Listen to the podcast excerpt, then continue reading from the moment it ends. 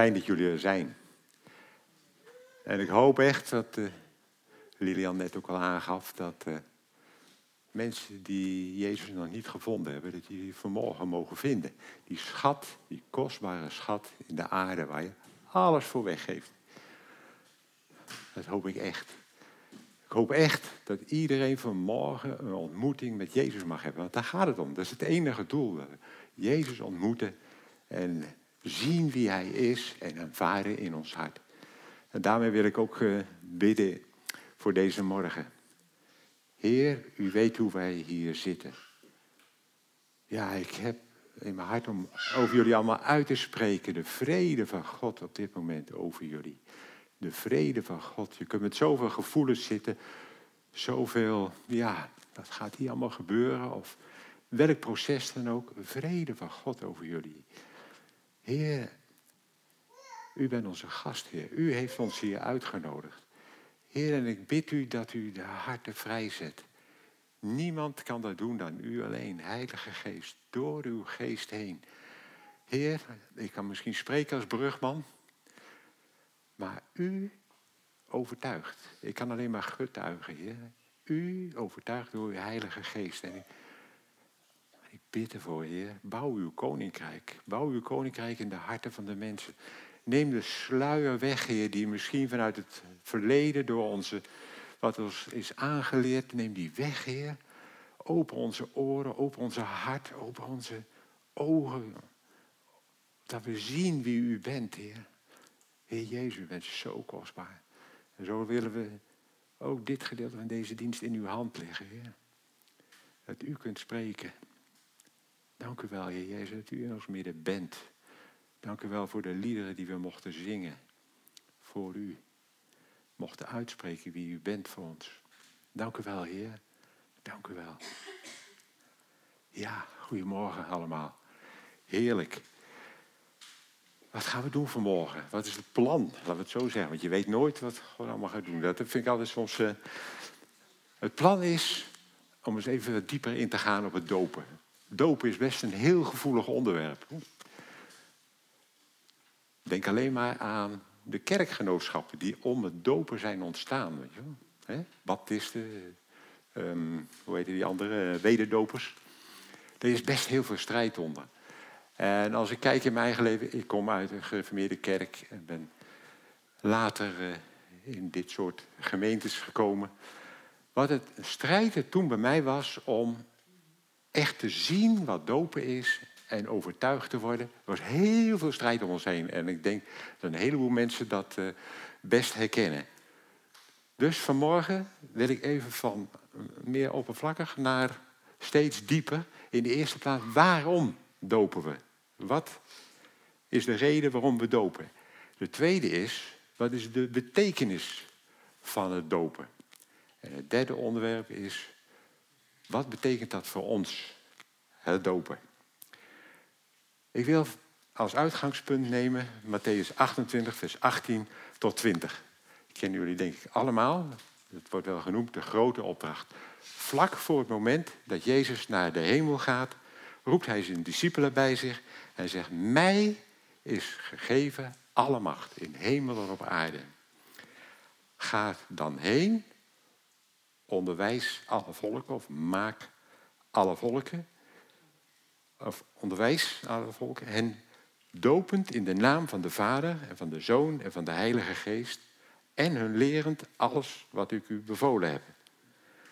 Eh, ja, dat is toch vaak wat ouderwetse taal. Ik heb een hele mooie um, vertaling gevonden gewoon in het boek. En die vind ik echt schitterend, want die is zo helder eigenlijk.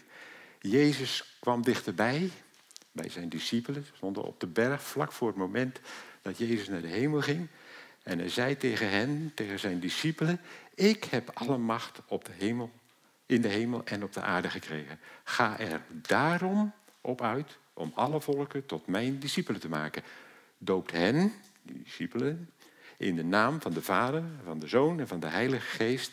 En leer hen te onderhouden, te doen alles wat ik u gezegd heb.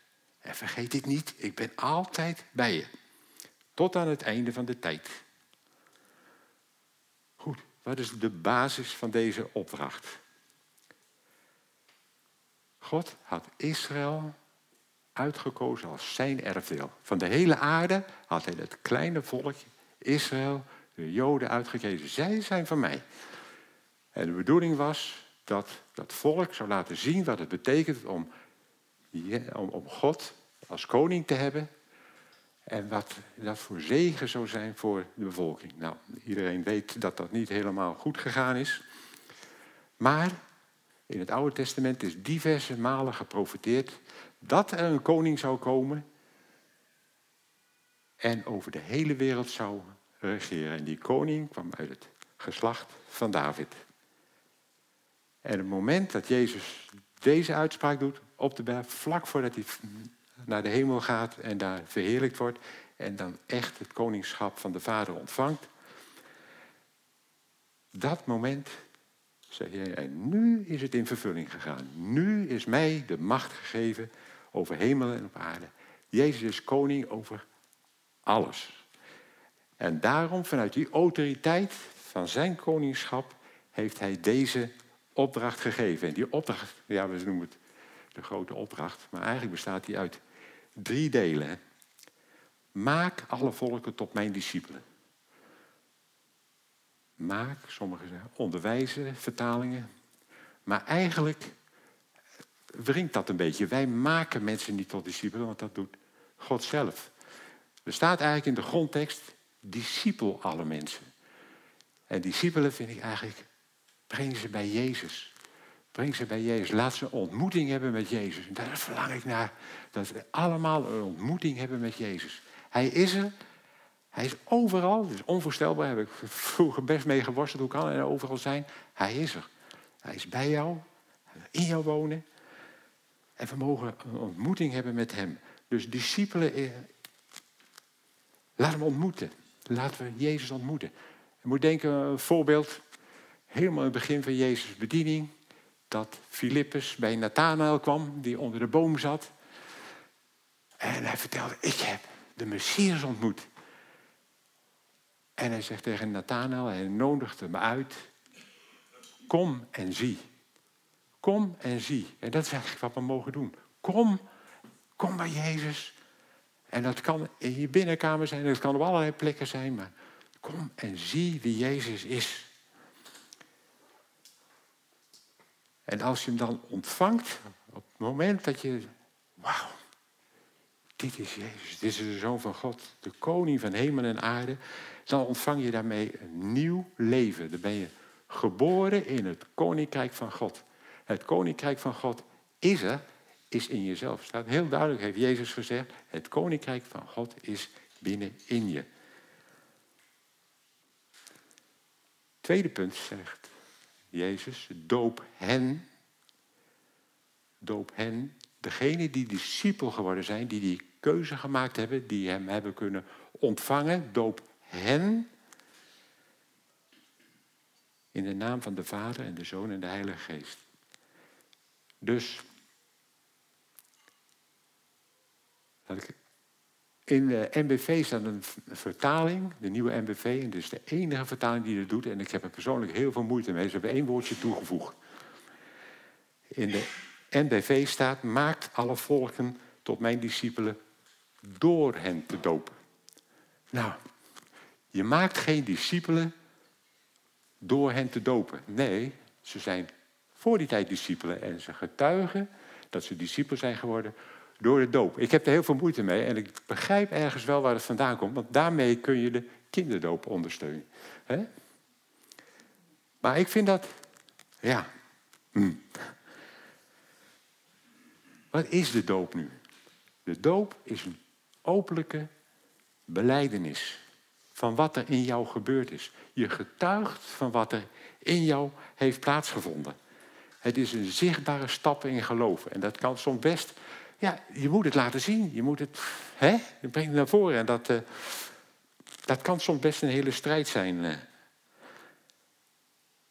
In Romeinen 10, vers 9 en 10 staat in de Groot Nieuwsvertaling. Heerlijk, al die vertalingen, je kunt de mooiste uitzoeken. Als u met uw mond beleidt, Jezus is Heer, en met uw hart gelooft dat God hem uit de doden heeft opgewekt, wordt u gered.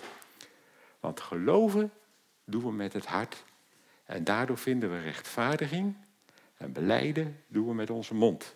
Dat brengt onze redding. Dus het getuigenis van, hun, van de dopelingen is dat ze met hun hart geloven dat Jezus uit de doden is opgewekt. En dat ze dat uitspreken met hun mond.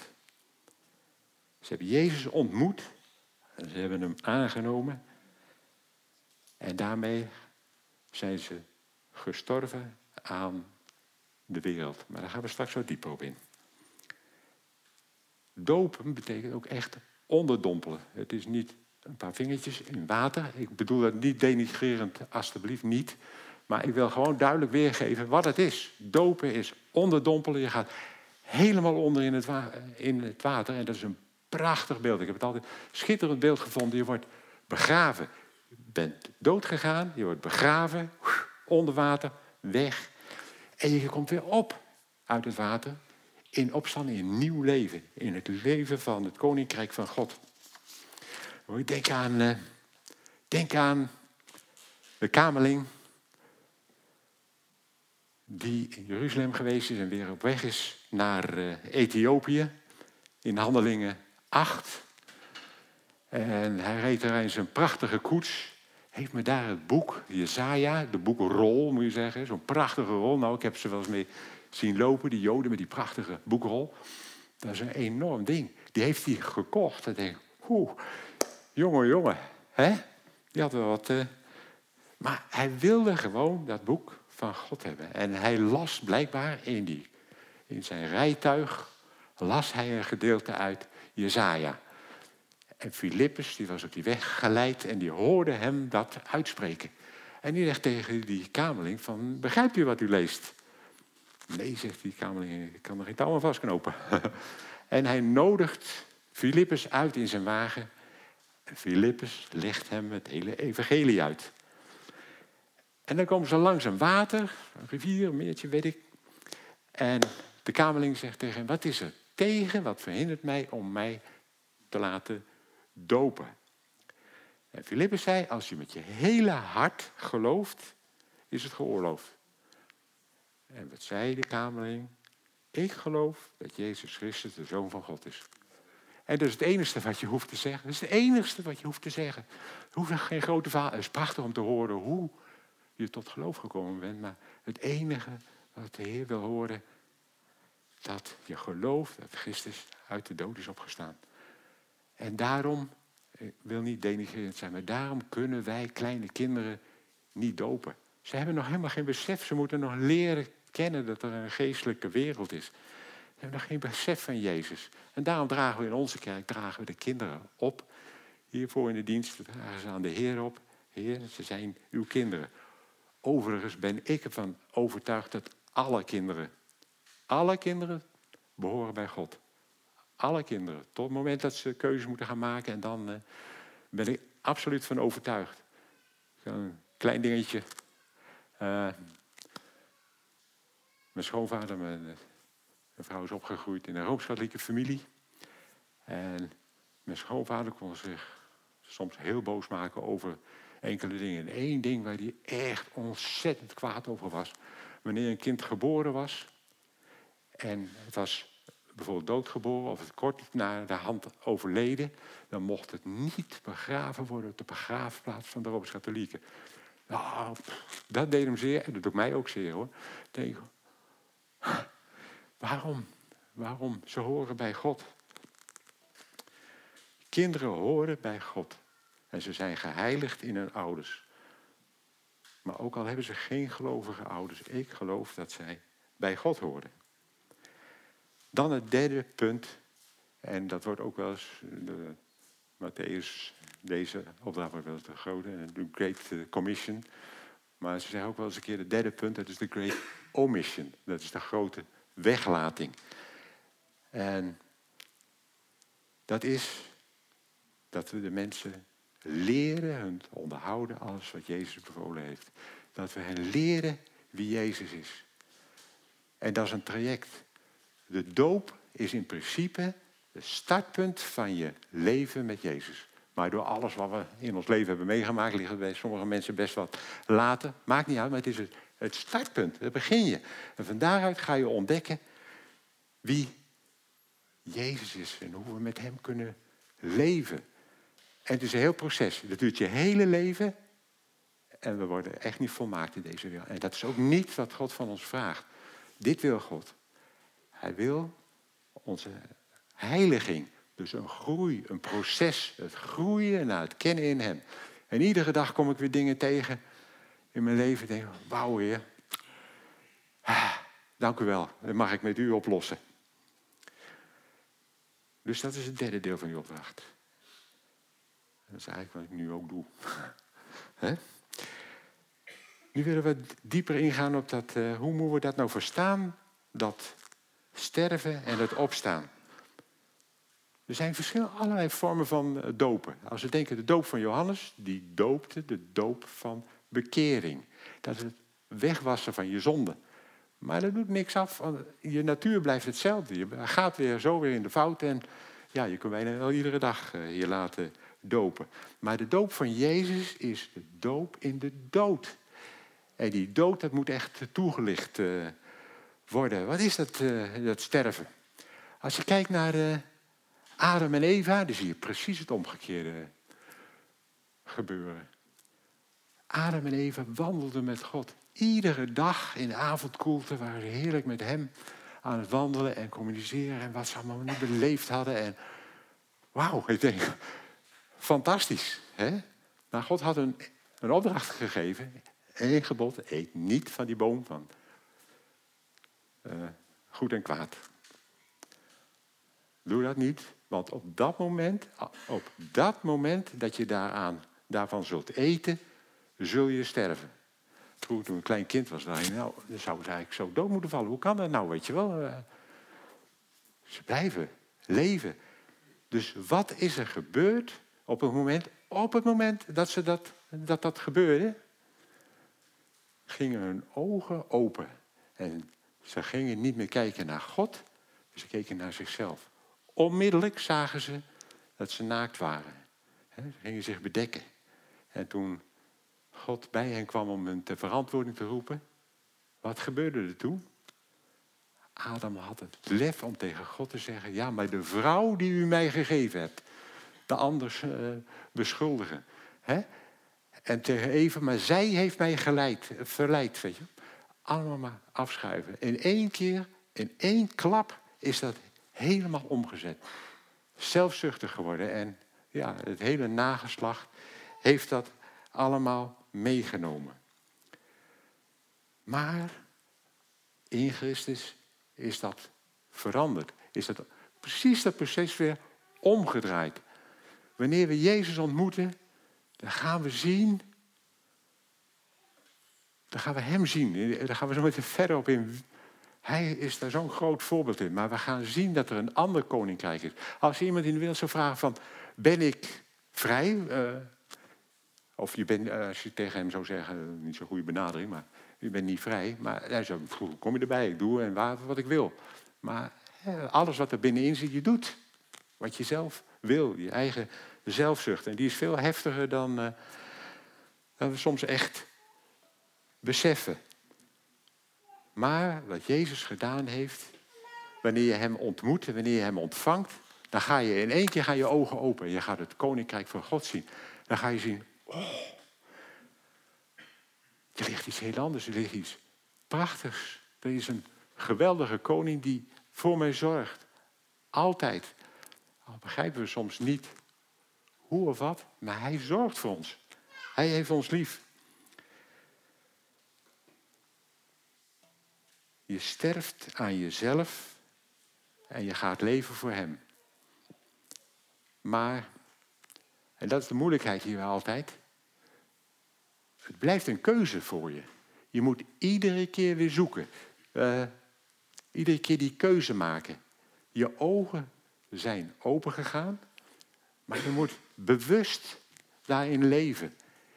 Je moet jezelf voor dood houden. Ik ben gestorven. En iedere keer moet je deze nee, ik ben gestorven. Jezus leeft in mij. En houd jezelf dood, staat er in, uh, in de Bijbel. In Romeinen 6, vers 11. Zo dient u ook uzelf te rekenen als dood voor de zonde. En de zonde is dus alles wat er in de wereld aan zelfzucht en dergelijke plaatsvindt. Maar levend voor God in Christus Jezus onze Heer. Laat dan die zonde niet in uw sterfelijk lichaam regeren om aan de begeerten daarvan te gehoorzamen. En stelt uw leden niet ter beschikking van de zonde als wapens van de ongerechtigheid. Maar stel uzelf ter beschikking aan God als mensen die uit de doden levend geworden zijn. En laat uw wapens, leden wapens van gerechtigheid zijn.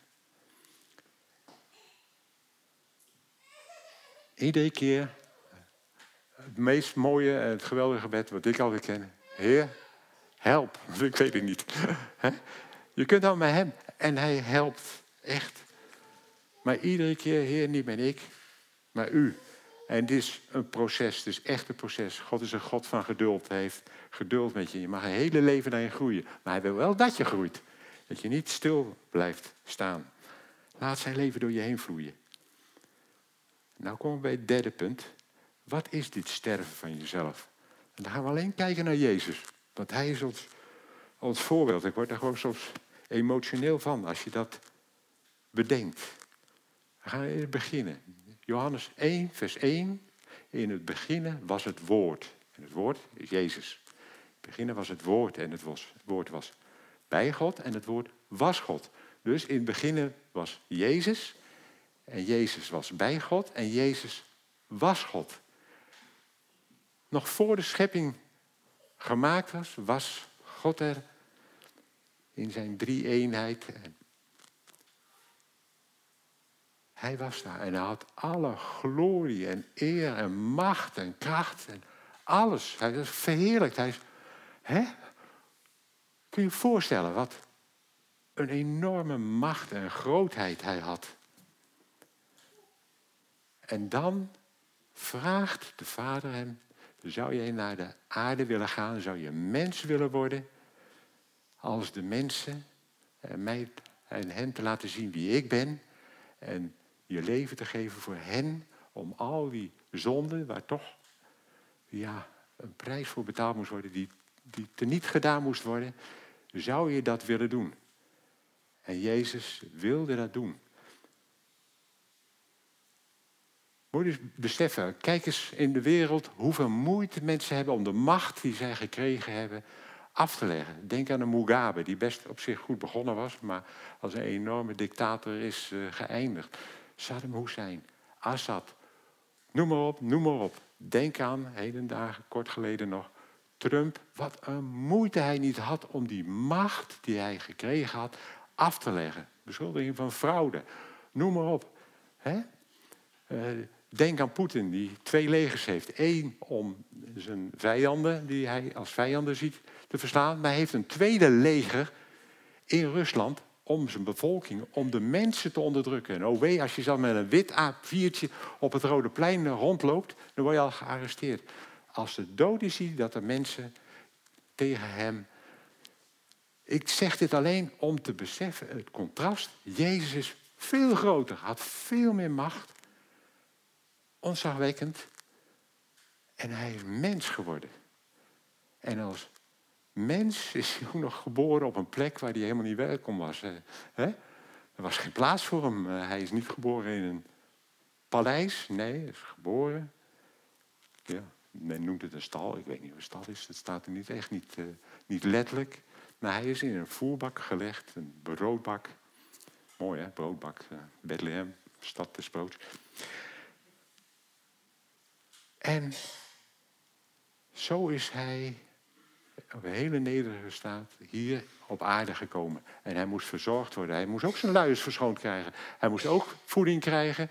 Hij moest ook leren spreken en lopen en groeien. En dertig jaar lang heeft hij alleen maar geluisterd.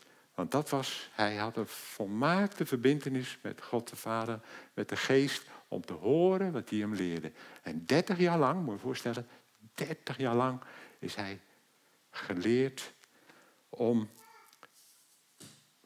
tot zijn tijd van bediening te komen. En toen liet hij zich dopen. Ook Jezus liet zich dopen. Johannes stond met de handen in de haar, want Johannes, de doper, wist wie hij was. Ik heb nodig van u gedoopt te worden. U moet niet gedoopt worden. Dat is eigenlijk fascinerend, de doop. Waarom liet Jezus zich nou dopen?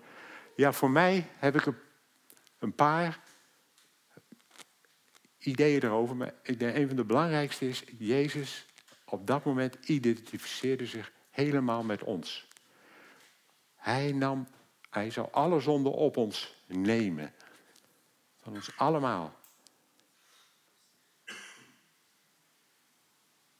Ehm,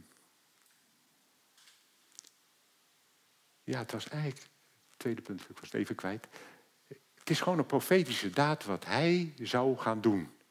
En zo zijn er best nog wat meer invullingen. Waarom Jezus zich liet dopen. Maar hij deed het uit gehoorzaamheid van de Vader. De Vader vroeg het hem en daarom staat er ook van, ja, op die manier zal de gerechtigheid vervuld worden. God wilde het, geen discussie, Johannes, je moet me dopen. Punt uit. Maar ook een enorme daad van nederigheid van God. En toen ging hij aan de slag. Hij moest dus opletten hoeveel botsingen hij had niet eens met wereldse mensen, nee, maar met de religieuze leiders. Hij werd niet geaccepteerd. Ze zagen niet wie hij was. Hij kwam tot het zijne en het zijne heeft hem niet aangenomen. Alsmaar weerstand. Iedere dag weer. Iedere dag weer die tegenspraak van de religieuze. En daarin is Jezus ook een voorbeeld voor ons. Hij verlogende zichzelf. Jezus verlogende zichzelf als God.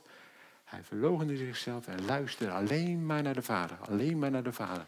Hij moest soms de meest vreemde dingen doen, weet je wel. Als je iemand de ogen moet, uh, met spuug en zand en in de ogen moet smeren. Uh. Als mij dat gevraagd zou worden, nou, uh, Jezus deed het. En zo zijn er veel van die dingen. Jezus was volmaakt gehoorzaam aan de Vader. Hij leefde in het contact met de Vader. En ja, zijn onderwijs soms was zover dat zelfs veel van zijn discipelen, van zijn volgelingen, hem in de steek lieten, omdat ze hem gewoon niet begrepen. Maar het maakt Jezus niet uit. Ik zeg wat God de Vader mij moet zeggen en de Heilige Geest moet overtuigen. Dat was, zegt hij niet, maar dat is wel wat erachter zit. Eens zal hij dat allemaal wel uitleggen. En dan uiteindelijk, weet je wel, dat hij zich overgeeft aan wat God van hem vroeg, dat hij zijn leven gaf. Het is bepaald niet goedkoop dat hij in die tuin van Gethsemane worstelde. Vader, als er een andere manier is, alstublieft, laat het dan op een andere manier gebeuren. Maar u wil geschieden. En hij zweette bloed. We kunnen het gewoon niet voorstellen. Wat Jezus op dat moment heeft doorgemaakt. Maar hij koos voor de Vader. Hij koos iedere keer, Heer, uw wil geschieden uw wil geschieden. Dus zijn hele leven is één groot getuigenis voor ons van hoe we mogen leven met God. God vraagt van ons, verloog je jezelf. Ehm, en neem je kruis op. Neem iedere dag je kruis op. En dat is gewoon simpel. Je mag zijn wie je bent, zoals God je gemaakt heeft. Jij bent precies zoals God je gemaakt heeft. En je mag doen wat er in je hart ligt. Maar, en dat vind ik zelf best moeilijk hoor, om iedere keer God te vragen, Heer, is dit uw wil? Wat wilt u dat ik doen zal? De dag draag je aan hem op. En alles wat je daarin tegenkomt, aan weerstand of wat dan ook, dat is je kruis dragen. En dan moet je soms je eigen ik ontzettend op, echt opzij zetten. En dat is best, best nogal wat. Dus dat is de diepere inhoud van het doodgaan in de doop. Jezelf verloochenen door Christus. Alleen maar door Hem. Doordat je ontmoeting met Hem hebt gehad, hebt gezien van... Oh, er is een veel mooier leven voor mij beschikbaar. Hier op aarde al. En die weg van groeien als je net geboren bent, als kind naar volwassenen, ja, dat is een lange weg. Maar het is een proces. Het is een proces. In Romeinen 12, vers 1 en 2 staat... eh, Broeders en zusters, met een beroep op de barmhartigheden van God... vraag ik u om uzelf als levend, heilig en welgevallig offer... in zijn dienst te stellen. Want dat is de ware eredienst voor u. Dus leef voor Jezus, met Jezus. U moet uzelf niet aanpassen aan de wereld, maar veranderen door uw gezindheid te vernieuwen. En zo te ontdekken wat God van u wil en wat goed en volmaakt is. God maakt echt alles niet in één keer aan je kenbaar. Als God aan Adam had laten zien wat de gevolgen van zijn, donde, van zijn zonde was, dan was hij absoluut, denk ik, meteen dood neergevallen. Nou, zo doet God niet. En zo heeft hij ook met ons heeft hij, eh, geduld. Zijn last is niet moeilijk. Je hoeft niet te zoeken. Je mag zijn wie je bent en leven met hem. En daar ga je tot zijn rust in. Uiteindelijk ga je dan je rust in. Als je alle strijd laat varen in jezelf, dan ga je zijn rust in. En dat is heel ontspannen leven. En dat doet hij door je heen. Het laatste dat hij dat door je heen doet. Het laatste onderwerp wat ik nog even wil belichten. Wij zijn het lichaam van Christus. Hij is het hoofd, hij is de koning. En vanuit ons denken, zeg maar, wordt ons lichaam aangestuurd. Wat er gebeuren moet. En Jezus stuurt het aan door ons lichaam. Zijn leven stroomt door ons heen. Is, als je een hand bent, ben je een hand. Dan hoef je niet te proberen een voet te zijn. Je mag gewoon zijn wie je bent. Heel ontspannen. We hoeven niet te zoeken, te moeilijk te doen. Ik vind het een prachtig beeld van zijn leven door ons heen. Een ander een soortgelijk beeld, wat mij ook al ontzettend aanspreekt, is Jezus is de wijnstok. Wij zijn de rank aan die wijnstok. Zijn leven vloeit door hem, door ons heen. Wij zijn de ranken. We zijn helemaal afhankelijk van hem. De vruchten ontstaan door wat hij door ons heen doet. En een derde beeld is ook nog eh, minder levend, maar we zijn levende stenen in zijn tempel. We zijn met elkaar de tempel van God. Hij bouwt zijn hemelse Jeruzalem en wij zijn daar een steen in. En die steen die heeft contact met andere stenen om ons heen. En zo hebben wij relatie en werken wij gewoon op de plek die ons gegeven is. Wat is het doel van ons leven? En dat is eigenlijk de totale samenvatting is intimiteit met God. Dat is de reden waarom je leeft. Je leeft om te leven met Christus. En Hem te vertrouwen. En daar is echt geloof voor nodig. En dan bid ik, Heer, bid u om geloof. Dat we ieder moment en alles in uw handen kunnen geven. En u kunnen vertrouwen hierin. Dan wil ik eh, vragen als er mensen zijn vanmorgen die voor het eerst beseffen van ik heb Jezus nodig. Ik heb hem gehoord, ik wil hem ontmoeten, ik heb hem ontvangen.